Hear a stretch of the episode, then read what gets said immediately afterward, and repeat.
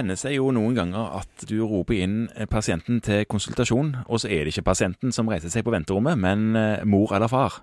Ja.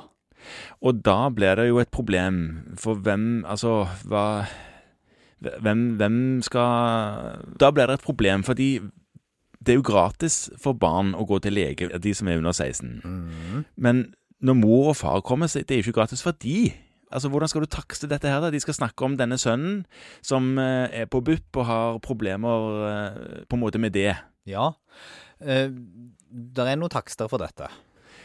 Ja, fordi noen Altså, ellers så måtte en jo liksom bare tatt det på godviljen, eller glemt å takste, eller gjort feil og takste som om Ja. det var en konsultasjonstakst. Det kan du ikke gjøre. Nei, og det det er klart, disse takstene vi snakker om her, er jo ikke sånn at nødvendigvis blir eh, kjemperike av dem. Men det er to takster som angår samtale om noen andre enn den som sitter der. Ja, nettopp. Det er akkurat det jeg tenker på. Den ene er for barn under 18, Ja, eh, og den heter 612B. Ja. Og den andre er for voksne, og den heter 612A. Hvilken vil du snakke om?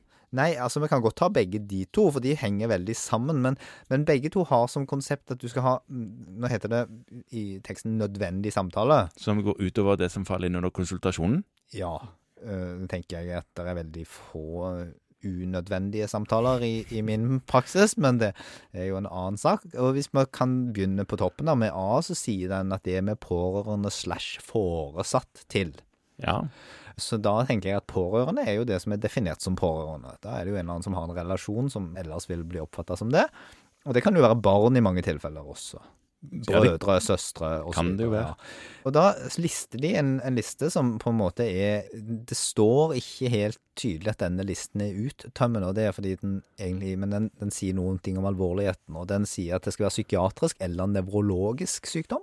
Når du sier uttømmende, bare for å avklare det begrepet, så betyr det at det som står på listen, er det denne gjelder for, og ingenting annet. Nei, men det er det ikke helt sånn her. Nei. Vi skal forklare litt om hvorfor det er sånn. Det går på ordlyden. Men, men det står psykiatrisk eller nevrologisk sykdom. Kronisk alvorlig sykdom. Det er jo en litt løs definisjon, og det Mm. gjør jo at listen vanskelig kan bli uttømmende, tenker jeg. Helt sant. Eh, terminalsykdom. Rusmiddelproblem. Eller pårørende foresatt til barn med psykisk utviklingshemming. Og grunnlaget må fremgå av notatet osv. Det er jo opplagt. Og så står det kan kun benyttes ved alvorlig sykdom, som for eksempel Og nå står det også for eksempel, noe som heller ikke gjør at det kan være uttømmende. Mm. Langt fremskreden hjertesvikt, lungesykdom, invalidiserende nevrologisk lidelse, eksempel MS eller muskeldystrofi. Mhm. Ikke for eksempel ischias. Nei. Og det, det tenker jeg er en grei presisering. Det skal være en litt sånn alvorlig og, og kronisk og skikkelig sykdom, som ikke er det at isjas er uskikkelig, men, men sykdom som på en måte krever noe mer oppfølgingssamtale enn det som følger av konsultasjonen. Da er det Mm. på en måte mer samtaler av, av sosial karakter, av tilrettelegging, av behov for oppfølging, pleiebehov og den typen ting. Så står det dårlig regulert diabetes, eller senkomplikasjoner av det, på den listen. Kreft. Eh, slag med betydelige sekveler. Alvorlige infeksjonssykdommer eller skader med alvorlige følgetilstander. Altså sånn lammelser, tverrsnittslesjoner, den typen ting. Og det som, som er viktig med den, er at det er ikke tidstakst knytta til den. Nei, så du kan eh, du, du kan ikke ta den og tidstakst hvis du sitter i 22 minutter.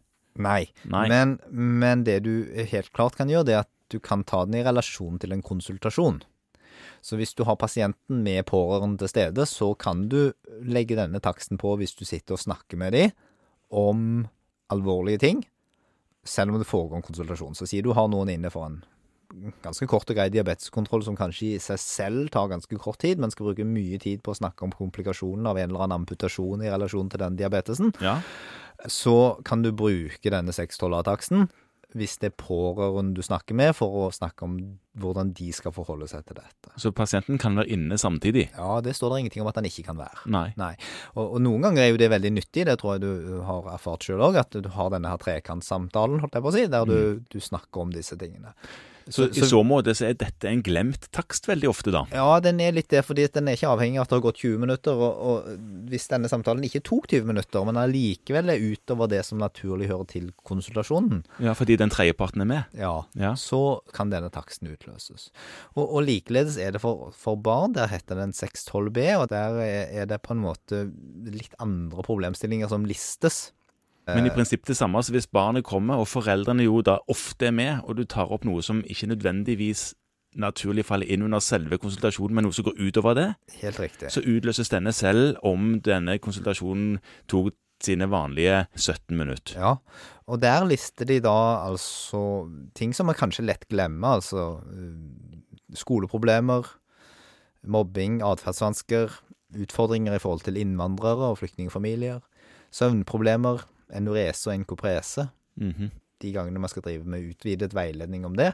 Og så er det jo, syns jeg av og til vanskelig å vite om er dette en del av konsultasjonen, eller er det en utvidet del. Og det som jeg kanskje slår et lite slag for, er at på en måte de gangene man driver med litt sånn utvidet pasientopplæring, bruker god tid på å prøve å forklare hvordan man skal gjøre, og kanskje ser litt mer på de totale tingene dette fører med seg, Ja. så bør det være grunnlag for denne taksten. Men du kan ikke ta konsultasjonstakst, eventuelt spesialisttakst, denne taksten og tidstakst sammen. Nei, 2C er utelukka. Ja. Mm. Eh, Men hvor, hvor, hvor mye utløser denne i, eh, i kroner og øre? 250 kroner. Ja.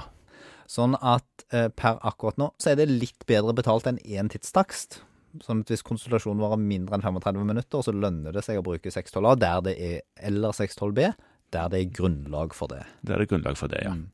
Eh, og det, det vil jo mange av oss erfare, at konsultasjoner som kanskje varer en 20-25 minutter, der man bruker lang tid på å snakke om sykdommen, hvordan det skal følges opp, implikasjoner av dette, og hvordan de skal forholde seg, så kunne nok denne taksten vært brukt. Og tenker at man kan se på det litt som en sånn påminnelse om å følge opp disse tingene litt nøyere. ja.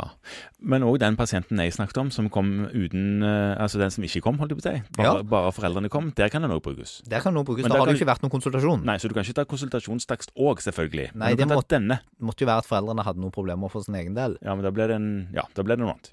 Da ble det et regningskort der og et regningskort hos sønnen eller datteren. Helt riktig. Fint.